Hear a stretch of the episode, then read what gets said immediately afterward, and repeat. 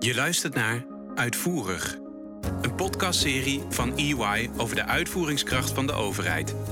We gaan in gesprek met leiders uit de publieke sector waarbij hun werkomgeving en expertise centraal staan. Waar zien zij kansen voor de overheid en hoe kunnen we de uitvoeringskracht van die overheid vandaag al vergroten?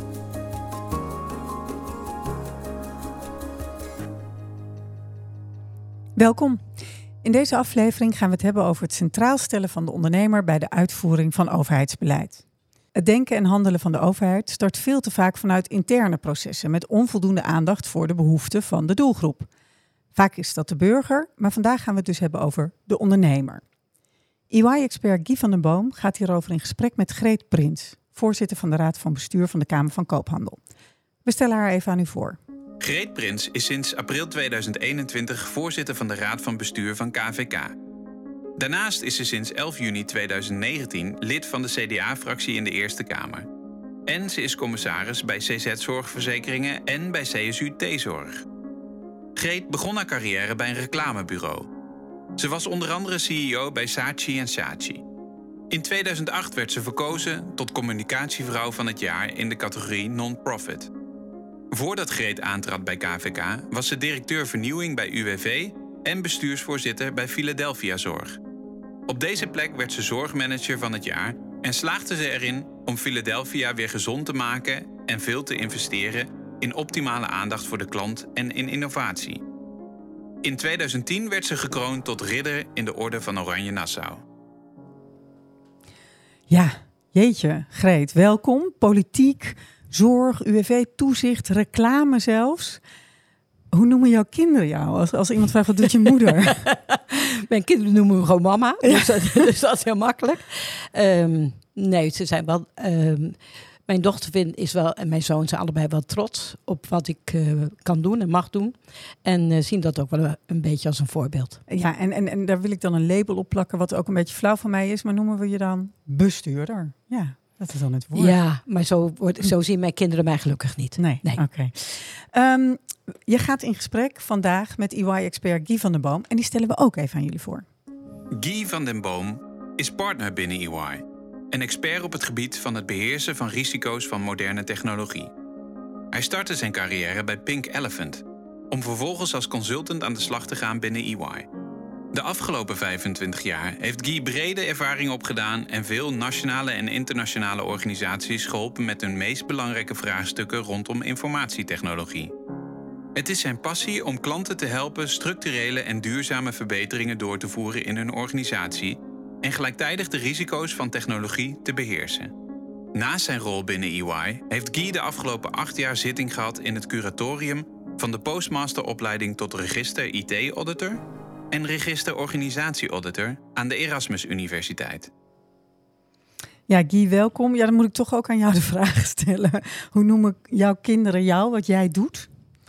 Mijn dochter eh, noemt mij consultant en geeft altijd aan, nou papa die gaat eh, lekker kletsen, eh, een kopje koffie drinken en eh, klanten verder helpen om eh, een verschil te maken. Ja, en, en dat verschil en de, de, de expertise ligt dan heel duidelijk op het gebied van IT, cybersecurity. We gaan het vandaag hebben over ja, die uitvoeringskracht van de overheid, ondernemers centraal. Hoe, hoe is dat echt een onderwerp wat bij jou past? Ik help eh, veel organisaties met het, eh, de slimme inzet van technologie. Dat biedt ontzettend veel kansen. En je moet tegelijkertijd ook eh, goed rekening houden met, met de, de, de risico's, de belemmeringen. En daar helpen klanten mee. Greet, jij bent natuurlijk overheid, maar toch ook, en dan bedoel ik de KVK, hè, een ZBO, een zelfstandig bestuursorgaan. Hoe, hoe voelen jullie je bij de Kamer van Ko- Koophandel? Is dat eh, overheid of juist niet? Nee, wij, wat ik merk en wat ik heel bijzonder vond toen ik daar kwam, is dat onze medewerkers voelen ze- zich zodanig dat zij helpen ondernemend Nederland. Ja, En dat is ook het gevoel wat ze hebben. Niet dat zij zelf de ondernemer zijn, maar dat zij er alles aan doen om die ondernemer verder te helpen. en beledig ik ze dan als ik ze ambtenaar noem? Nou, dat weet ik niet. Zo, hebben, zo praten we er met elkaar niet over. Nee. Nee. Maar Nee. ze zijn trots op het feit dat zij de ondernemerschap in Nederland kunnen helpen. Ja, oké. Ehm, we hebben in deze podcast een paar vaste elementen. Straks heb ik voor Greet een paar eh, stellingen die met ja en nee beantwoord moeten worden in eerste instantie. Daarna komt dan de nuance. Dat horen jullie vanzelf. En we trappen altijd af met drie vaste vragen die in elke aflevering gesteld worden. Ehm, ik ga die aan Greet stellen. Even alle drie ga jij eens beantwoorden. En daarna gaat Guy nou ja, daarop reageren met zijn expertise. Greet, ben je er klaar voor? Ik ben er klaar voor. Vraag 1. Wat kunnen we vandaag al doen om de uitvoeringskracht van de overheid te vergroten? Uh, alert te zijn op de impact van onze wet en regelgeving. En wie moet daar alert op zijn? Uh, ik denk met name de, uh, de ZBO's, dus de uitvoeringsinstanties, die kunnen daar een hele belangrijke rol spelen. Ja, want dat is misschien soms een beetje ondergeschikt. Ze gaan nou, snel aan het, de slag. Het, het, nou, het grote risico is dat je natuurlijk in de samenspel wat er is tussen een ministerie en een ZBO, dat je helemaal kijkt naar de wet die uitgevoerd moet worden en dat je daar met elkaar kijkt hoe kan dat dan in de praktijk uh, in die ZBO gerealiseerd worden. Maar er is, komt nog een stap na. Wat is de impact op de, de burger of in ons geval de ondernemer? Ja. En die stap, die praktijk, want de wet is allemaal tekentafel. Ja. En wij moeten laten zien als ZBO, en dat vind ik een opdracht aan alle ZBO's, uh, wat het betekent in de praktijk. Ja, ik zei net, ik ga ze eerst alle drie doen, maar dat doe ik helemaal niet. Ik haal jou er eigenlijk meteen bij. Want als je dit zo hoort, wat, wat schiet jou te binnen? Nou, ik ben, ben heel benieuwd hoe je dat dan doet. Hè? Want ik denk, uh, als ik kijk naar, naar gemiddelde klanten van mij in het uh, publieke domein, zie je dat er uh, heel veel wet en regelgeving komt die veel impact heeft. Hè? En dat het het en ook de, de vertaalslag naar, naar, daadkracht, dat dat een hele lastig is. Hoe doen jullie dat binnen de KVK? Ja, dat dat is ook een uitdaging. Omdat um, ook bij zo'n uitvoeringsinstantie zitten met name juristen, beleidsmedewerkers, die dus dezelfde taal spreken als de mensen op het ministerie. Maar eigenlijk moet je een stap verder zetten. Je moet ook de taal gaan spreken van de praktijk. En dat ophalen, dat heb ik gezien bij UWV, dat zag ik in de zorg, dat zie ik nu ook bij KVK. Dat is iets waar je mensen echt op moet gaan uitdagen. Ik vind dat ook een taak van de bestuurder. Daag uit, wat betekent dat nu in de praktijk? Wat betekent het als wij drie jaar bezig zijn met het ontwikkelen van de juiste ICT-systemen om een wet uit te voeren? Wat kan er dan wel en niet? Of moeten we het net wat uh, met wat minder beveiliging doen voor de korte periode, om ervoor te zorgen dat er iets wel kan gebeuren in de samenleving. Die keuzes, die zouden wij meer zichtbaar moeten maken. En dat vind ik echt een taak van de ZPO's en van de uitvoeringsinstanties dus. Ik ga um, naar vraag 2. Heb jij een voorbeeld uit jouw praktijk, um, en dat kan bij KVK zijn, maar kan ook ergens anders, waar de uitvoeringskracht echt serieus vergroot is? Nou, ik denk dat een mooi voorbeeld is, en dat is wel vanuit KVK, dat is vanuit dat wij um, een aantal projecten hebben gedaan op basis van levensgebeurtenissen. Dus dat we niet uit zijn gegaan van de vraag van het ministerie, van de opdracht van de wet en regelgeving, maar dat we juist andersom hebben gekeken. Wat zijn nou relevante momenten in het leven van een ondernemer en wat heeft hij dan nodig van de overheid? En als je dat lijkt heel simpel, maar dat is het niet. Bijvoorbeeld, ik wil stoppen met mijn onderneming. Ja? Allemaal ja. willen, wel, wil men ook wel eens een keer stoppen. Dan heb ik te maken met de Belastingdienst. Ik heb te maken met de KVK. Ik heb te maken met misschien wet en regelgeving van Binnenlandse Zaken of van Justitie. Um, dat aan elkaar koppelen, de gemiddelde ondernemer, en dan heb ik het echt over het midden- en kleinbedrijf, is zich er helemaal niet van bewust waar je overal rekening mee moet houden. Ja. Dus nu te redeneren vanuit de vraag van de ondernemer, een levensgebeurtenis, en dat dan het overzicht te geven wat hij allemaal moet doen. Dat vind ik echt een prachtvoorbeeld. Wat we veel meer zouden kunnen doen om die ondernemer, maar ook de burger daarbij te helpen. Ja, en specifiek levensmomenten. Uh, ja. Dus niet uh, mijn hele businessmodel moet veranderen of ik ga een uh, bedrijf overnemen. Het gaat specifiek over. D dat kan je natuurlijk ook in doen. de privésfeer. Maar nou, het hoeft niet de privésfeer te zijn, maar wel waar loop je tegenaan? Um, na de coronatijd zijn heel veel bedrijven hebben ook last gehad van hoe blijf ik overleven als onderneming. Nou, daar hebben wij vanuit die levensgebeurtenis, vanuit die vraag van de ondernemer, hebben wij ook een programma zwaar ah, okay. weer opgezet. Is het leven van die onderneming. Het leven van de, van, van de ondernemer en de, en de onderneming. onderneming. Ja. ja, ik snap het. Guy, ja, is dat een, um, een interessante manier om op een andere manier te kijken naar hoe, hoe je die ondernemer dan kan helpen?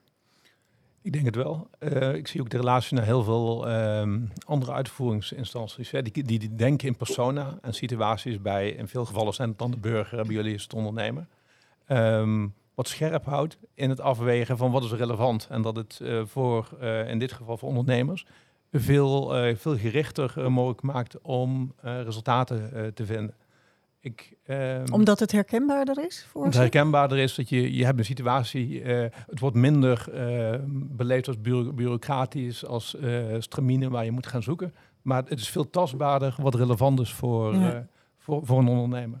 Dus met zo'n persona zit je die ondernemer letterlijk centraal. Dus eigenlijk. Ja, of je dat met een persona, dat kan je met een persona doen. Je kan het met een vra de vragen uit, ja, uit, de, uit de markt doen. Maar het gaat erom dat je niet zendt van overheid naar ondernemer, wat soms moet bij wet en regelgeving, maar dat je ook andersom kijkt van waar, wanneer heeft een onderneming of een ondernemer nu die overheid nodig of waar moet hij rekening mee houden en dat je vanuit dat perspectief, vanuit zijn vraag, de breedte laat zien waar hij over een rekening mee moet houden. En dat gaat dan over, ja sorry, maar dat gaat over departementen heen. En dat maakt het zo ingewikkeld. Want als we het alleen zouden moeten doen, bijvoorbeeld met het ministerie van EZK, dan is het nou redelijk snel, maar dan kan je het snel regelen. Maar nu om dus over de diverse departementen heen alles te verzamelen en dat goed weer te vertalen in een taal die de gemiddelde ondernemer begrijpt. Ik heb het niet over de grote corporates. Ik heb het echt over bedrijven met tot 25, 50 man, medewerkers. Dat is de uitdaging en dat is denk ik wat wij heel goed als uitvoerder zouden kunnen doen. En hoor ik je dus zeggen, het gaat er niet alleen om dat die ondernemer dan die vraag beter begrijpt, hè, want het sluit veel meer aan bij zijn beleving. Ik, ik realiseer me ineens ook, je komt ook uit de reclame. Ik kan me ook voorstellen dat, het dan, dat je daarbij aan wil sluiten. Maar het gaat dus ook over dat jullie voor jezelf de vraag zo stellen dat je ineens denkt, potverdikkie, we moeten even nu al die ministeries langs voor, jullie verandert er dus ook echt iets. Ja, ja wij hebben niet maar één opdrachtgever, we hebben verschillende opdrachtgevers. En dan moet je mee in gesprek. Ja, oké, mooi. Vraag drie. Hoe zie jij de rol van technologie bij het vergroten van uitvoeringskracht van de overheid? Uh, ongelooflijk belangrijk. Uh, ik denk dat we heel veel kunnen doen met technologie. Uh, ik realiseer me ook, ik denk ook aan AI en dergelijke. Ik ben daar zelf een grote fan van. Met alle risico's die er aan de andere kant zijn. Maar dat mag ons niet belemmeren om niet te kijken hoe we zaken beter en sneller voor de ondernemer en voor de burger kunnen doen. Dus, want AI, ja, het, het, is natuurlijk al jaren zit eraan te komen. Tegelijkertijd is het super nieuw. Of, of, of ben ik nu echt een leek en een buitenstaander? Dus uh, het gaat heel snel op dit moment. Dat zie je met een uh, ChatGPT, waar uh, heel veel organisaties mee bezig zijn. Wat bij jullie ook uh, waarschijnlijk een hot topic is. Hè? Zeker weten, ja. En uh, wat, als je daar naar kijkt, wat zie je bij jullie nu op dat vlak en de discussie die jullie voeren, hoe je gebruik kunt maken van dit soort nieuwe technologieën? Uh, wij kijken op verschillende manieren. We bekijken bijvoorbeeld, dat hebben we onlangs ook gedaan. Um, als een ondernemer een onderneming start, moet dat gekoppeld worden aan de SBI-code. Mhm. En de SBI-code is relevant. Dat Wat klinkt, is een SBI-code? Ja, een SBI-code gaat erom dat, wat voor type bedrijf start je.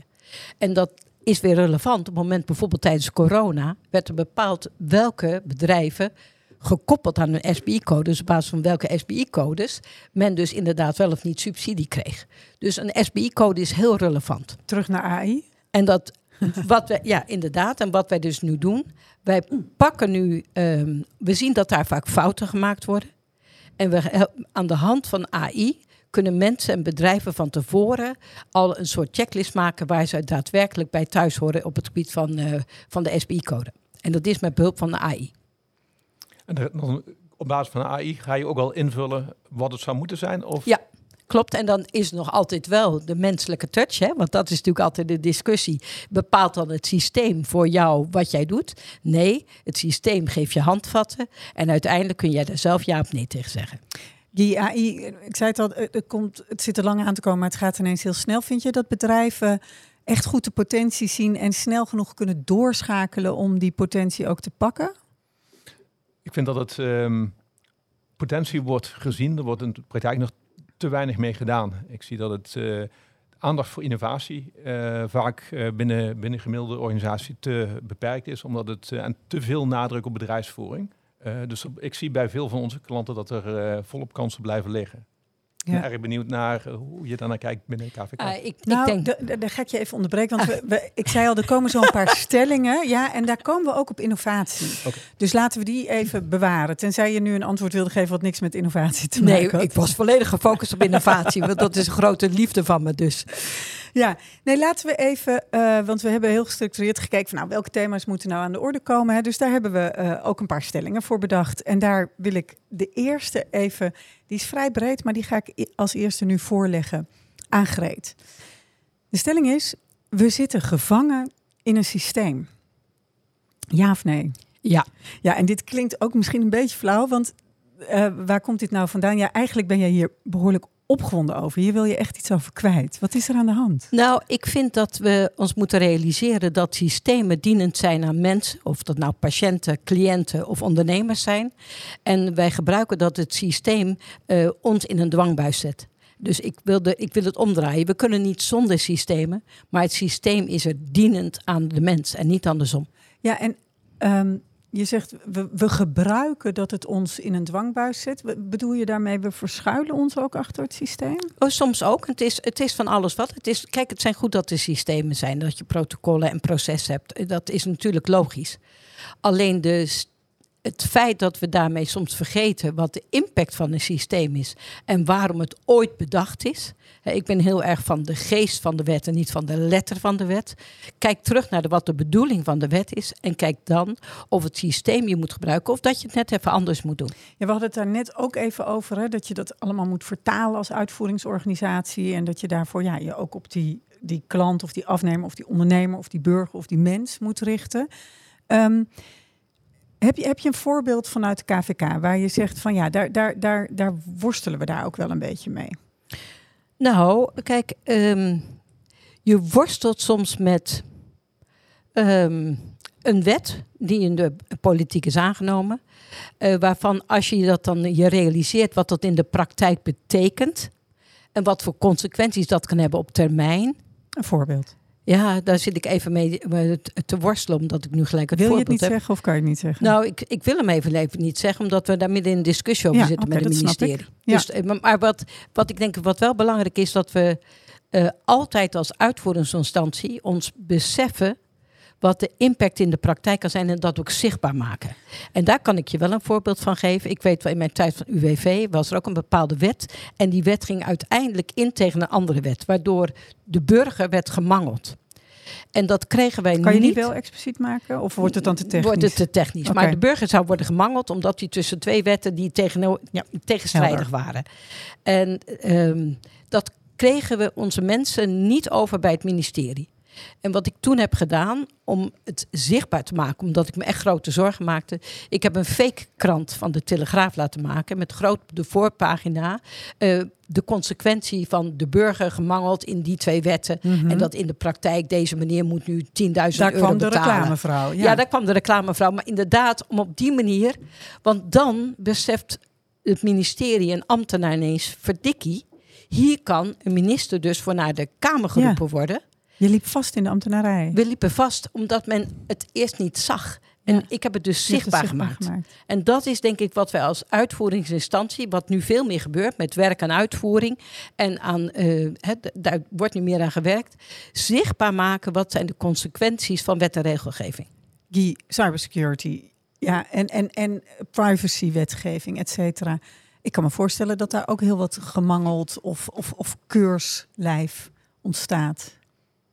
Ik denk dat ehm, als je kijkt naar, eh, naar privacy, is het eh, vaak een excuus om dingen niet te doen en eigenlijk de rem te zetten op ontwikkelingen waar dat niet, eh, niet nodig is. Aan de andere kant moet je als organisatie vooral kritisch blijven en als bestuurder lef tonen. Dat als je ziet dat er zaken zijn die niet, die niet werken of een tempo wat niet gerealiseerd kan worden, dat je daar tegenwicht tegen geeft en lef hebt om te, te reageren en het andere geluid te laten zien in plaats van klakkeloos volgen wat er voor je, voor je bedacht is. En op het vlak van, eh, van privacy en cybersecurity zie je dat het super belangrijk is om ehm, die, eh, in, in ieder geval de discussie eh, te, te, te hebben over wat, wat en hoe gaan we hiermee om. In plaats van de, de handleiding van voor tot achterdeur te lopen. Maar wanneer kan je als consultant echt tegen een ondernemer zeggen: "Nu- dit, nu moet je lef tonen. Dit is niet inrichten, processen, wetgeving. lef nu? Want hoe schat je dat nou in wanneer het een kwestie van lef is? De, de, ja. ja, als je niet doet, het is een kwestie van lef als je doet waar je in gelooft en niet automatisch de uh, opdrachten zomaar uitvoert. Hebben we dat nu meer nodig dan ooit? Ja. Hebben, hebben we meer nodig dan ooit. En je ziet dat ook de complexiteit van organisatie is groter dan, dan ooit. Dat betekent dat je uh, vraagt ook dat je naast de basis op orde um, moet nadenken over uh, hoe, hoe kan ik het, het simpeler uh, maken. De complexiteit van alle systemen en het stapelen van het een op het ander. Moet je als organisatie ook, ook tijd maken om op te schonen. Om ja. te versimpelen en vooruit te gaan. En dat, dat, dat, het, dat we het steeds meer nodig hebben, blijkt ook wel een beetje, vind ik. Recent was er ook een debat, ook georganiseerd door EY, de Ode aan de Uitvoeringskracht in die, in die serie. Um, en daar zat Katja Muur, directeur van de autoriteit persoonsgegevens. En die zei eigenlijk ook wel met zoveel woorden dat organisaties te vaak zich toch verschuilen achter wet en regelgeving. Nou, als zij dat gaat zeggen, denk ik dan, dan is er wel wat aan de hand. -hmm. ja, ja, ik ben het daar overigens niet helemaal mee eens. Nee. Uh, ik vind echt dat wij te streng zijn op het gebied van privacy. En dan heb ik het niet zozeer over. Je zegt de wetgeving is. De wetgeving, maar ook de manier waarop uh, de wetgeving hier wordt gehanteerd. In vergelijking met andere landen in Europa zijn we echt heel streng. En daar heb ik alle begrip voor als het echt om je privégegevens. Ik zie aan de andere kant dat we echt wat meer de geanonimiseerde gegevens zouden we echt soepeler mee kunnen zijn. En ik denk dat we ook wat vaker zouden kunnen kijken het helpt ons ook om gegevens aan elkaar te koppelen. Bijvoorbeeld, um, wat nu niet meer mag, uh, is als je een zorgverzekeraar bent en je zou bijvoorbeeld ouders met kinderen tussen 6 en 10 willen attenderen op dat hun kinderen naar de tandarts moeten en dat dat gratis kan. Dat kan je niet zomaar meer doen omdat je dan gebruik maakt van de persoonsgegevens. Je, liggen. je laat kansen liggen. Er is nu net een wet aangenomen in de Eerste Kamer dat dus bepaalde de zorgverzekeraars en gemeentes wel weer gegevens mogen uitwisselen om op die manier mensen met schulden te helpen. Ja. Dus ik, ik, zie wel een ontwikkeling nu komen dat we ons beseffen dat uh, het soms ook voordelen kan hebben dat je iets kan delen. Dus het, ik, ik vind dat we nu een betere discussie hebben dan een paar jaar geleden. Nou, en dit is een prachtig bruggetje naar stelling 2. Want die luidt: ondernemers moeten zelf kunnen bepalen in hoeverre zij hun gegevens delen. Nou, je hebt het antwoord eigenlijk al gegeven misschien. Ja, deels ja en. Um, tegelijkertijd, in, kijk, er is een balans is er nodig tussen rechtszekerheid en tussen privacy en veiligheid. Um, en voor in het kader van rechtszekerheid wil je natuurlijk wel weten of het bedrijf waar jij zaken mee doet, of waar je een bedrijfspand aan verkoopt, of dat bedrijf bestaat. En of die man daadwerkelijk wel uh, gerechtigd is om zijn handtekening te zetten. Dus of er is niet. een minimum aan ja, wat we sowieso ja. moeten delen. Ik denk dat het ja. een continue balans is uh, tussen rechtszekerheid aan de ene kant en privacy aan de andere kant. Ja, maar ik, misschien heb ik de stelling dan niet helemaal goed begrepen. Want er zijn dus minimale gegevens, die moeten we gewoon altijd transparant open over zijn, zodat je weet met wie je zaken doet. Daar, daar staan jullie voor. Dat Klopt. is je kerntaak. Ja. Um, maar soms willen uh, um, partijen misschien wel meer gegevens delen. En dat kan dan nu niet? Wat, wat zit er onder Jawel, deze stelling? Dat, kijk, um, laat ik het zo zeggen. Je hebt, uh, ik denk dat eigenlijk alles wat openbaar is, kan gedeeld worden. Ik ben het wel mee eens dat een, bijvoorbeeld een, uh, uh, een ondernemer in de toekomst kan zeggen, en ik hoop dat dat ook gebeurt, als een bank gegevens van mij vraagt, dan mag je dat geven. Dus dat je weer ja. meer een soort keuzevrijheid biedt. Dat je zegt, deze basis is altijd openbaar. Voor bijvoorbeeld voor een pensioenfonds mag je dat ook delen. Ja. Of voor een bank mag je dat. Dat, zou, dat is, is wel de ambitie waar ja. wij aan werken. Ja. Guy, wat denk jij aan als het gaat over dat delen van gegevens? En, en, en moeten uh, ja, ondernemers in dit geval, maar misschien soms ook burgers, daar meer zeggenschap over hebben? Ik denk dat je, dat je daar volop zeggenschap zelf in zou moeten hebben als, uh, als ondernemer en als, uh, als burger. En dat je als overheid moet faciliteren om de mogelijkheden, de persoonlijke voorkeuren, om die in te richten in je systemen, waardoor je in feite doet wat, er, wat een burger of een ondernemer wil. Ja. Um, en natuurlijk rekening houden met wat er wettelijk nodig is. En ook met de, uh, bijvoorbeeld in het geval van, uh, van fraudeachtige aangelegenheden, dat je de checks en balances die je moet doen, wel kunt doen. Hè? Dus het is binnen vrijheid, binnen de kaders die nodig zijn, om ook gewoon betrouwbare informatie te ja, Wel goed over nadenken ja. dus. Ja, weet je wat wel een mooi voorbeeld is? Kijk, er zijn mensen die willen, die starten een, bijvoorbeeld een webshop. En dat willen ze dan liever niet het, hun eigen adres daar zichtbaar hebben. Dat kan ik me voorstellen, maar tegelijkertijd vraagt de ACM dat als je een webshop stelt, eh, start, dat je daadwerkelijk je adres wel zo is. Dus dat is ook een rol van ons als KVK. Dat wij zeggen, hé, hey, jij start een webshop, dan heb je dit en dit, moet je wel beschikbaar Mag geen postbus? Maar dan mag het geen postbus zijn. Ah, in ieder geval, dan moet, dan moet het veel duidelijker aanwezig, het moet het zichtbaar zijn. Snap ik. Ik heb het gevoel dat hier ook echt wel iets veranderd is. Het is inmiddels lang geleden, maar het elektronisch patiëntendossier werd nog van tafel geveegd met nou, die patiënten kunnen daar helemaal niet zelf ook over beslissen. En dat is allemaal veel te ingewikkeld. En we moeten mensen ook tegen zichzelf beschermen. Moeten we burgers en ondernemers nog tegen zichzelf beschermen? Ja, dat is bijna een politieke uitspraak die je vraagt. Ik denk dat we naar een balans moeten vinden. Deels dat je zegt, dit hebben we voor de algehele veilige samenleving hebben we dit nodig. En een ander deel is inderdaad aan de, aan de ondernemer zelf. En dan vind ik nog een verschil. Uh, als je patiënt bent, dan gaat het echt over je privégegevens. Of dat het gaat over je onderneming. Dat vind ik wel een verschil. Snap ik. We gaan naar stelling 3, de beloofde stelling over innovatie. Dus dan kunnen we daar uh, horen wat je daarover kwijt wil. stelling luidt: Uitvoeringsorganisaties hebben onvoldoende aandacht voor innovatie. Uh, ik vrees dat dat soms inderdaad het geval is. Ja. En dan ga ik eerst even terug, wat wilde je, daar kan je een toelichting op geven, maar je wilde eerder in de uitzending al iets kwijt. Ik weet niet of je dat nog helemaal front of mind hebt. Maar... Nou, kijk, wat ik heel belangrijk vind, is dat wij um, in een organisatie, en dat geldt voor elke organisatie, dat we ruimte creëren voor innovatie. Ik geloof heel erg dat stilstand is achteruitgang. Uh, dus ik denk dat je mee moet ontwikkelen met wat er gebeurt in de samenleving. En dat je ook steeds moet kijken of het anders en beter kan. En daar heb je innovatie voor nodig. En da daar geloof ik heel erg in. Um, en dat vind ik ook duidelijk een taak van een bestuurder, om die innovatie, om daar ruimte voor te creëren, uh, daar ook voor te gaan staan. Um, mensen ook uh, stimuleren om daarmee aan de slag te gaan. Want, ja. want blijkbaar is het nog niet zo makkelijk. Want uh, ja, Guy, uh, te weinig aandacht voor innovatie? jij zegt ook ja. Ja, te weinig, te weinig aandacht voor innovatie en te weinig aandacht voor het lange termijn perspectief. Hè. Dus als je kijkt naar een uitvoeringsorganisatie, waar willen we staan in 2030, 2050? Waar gaat het naartoe? En hoe gaan we nou dit jaar stappen zetten om in die richting te bewegen? Waarbij je dus focus krijgt op concrete resultaten, gericht op een lange termijn doel. Ja, daar zit natuurlijk de, de kwestie onder hoe komt het toch dat we het allemaal zo moeilijk vinden om die lange termijn een beetje goed uh, in de gaten te houden. Die parkeer ik heel even. Waarom is innovatie zo moeilijk? Omdat er uh, ontzettend veel aandacht gaat en dat is ook makkelijk verstoppen in, de, in bedrijfsvoering en de, de, de, de dagelijkse beslommering. Je zegt het is echt gekoppeld aan die lange termijn en daar hebben we gewoon geen aandacht voor. Als je die niet hebt, dan kom je nooit uit bij innovatie. Mm -hmm. Waarom is innovatie moeilijk bij uitvoeringsorganisaties? Omdat er gewoon heel veel op het bordje ligt. Uh, als, ik, als je het hebt over lange termijn, we hebben een keer een inventarisatie gemaakt van alle wetten die wij nu nog moeten uitvoeren. Uh, en dus moeten implementeren, ontwikkelen, moeten implementeren. ben ik al tien jaar onderweg. En daar dus, komt blijkbaar geen innovatie aan te pas om nieuwe wetten te implementeren. Nou, soms wel, maar soms ook niet. Want soms is het gewoon ook dat je die systemen helemaal moet gaan doen. Dus als we daarnaar kijken, wat wij kunnen. We hebben een handelsregister. Ja, dat is een wat ouder systeem. dat pakken we, passen we wel steeds aan. Maar dat is een vrij ingewikkeld systeem. Is ooit ontwikkeld. En daar kunnen we niet allemaal tegelijkertijd drie, vier wetten per jaar op, uh, op aanpassen. Dat kan gewoon niet. Dat kan het systeem gewoon niet hebben, het IT-systeem. Dus dat is een realiteit. Ik word er niet blij van, maar het is iets waar ik mee te leven heb.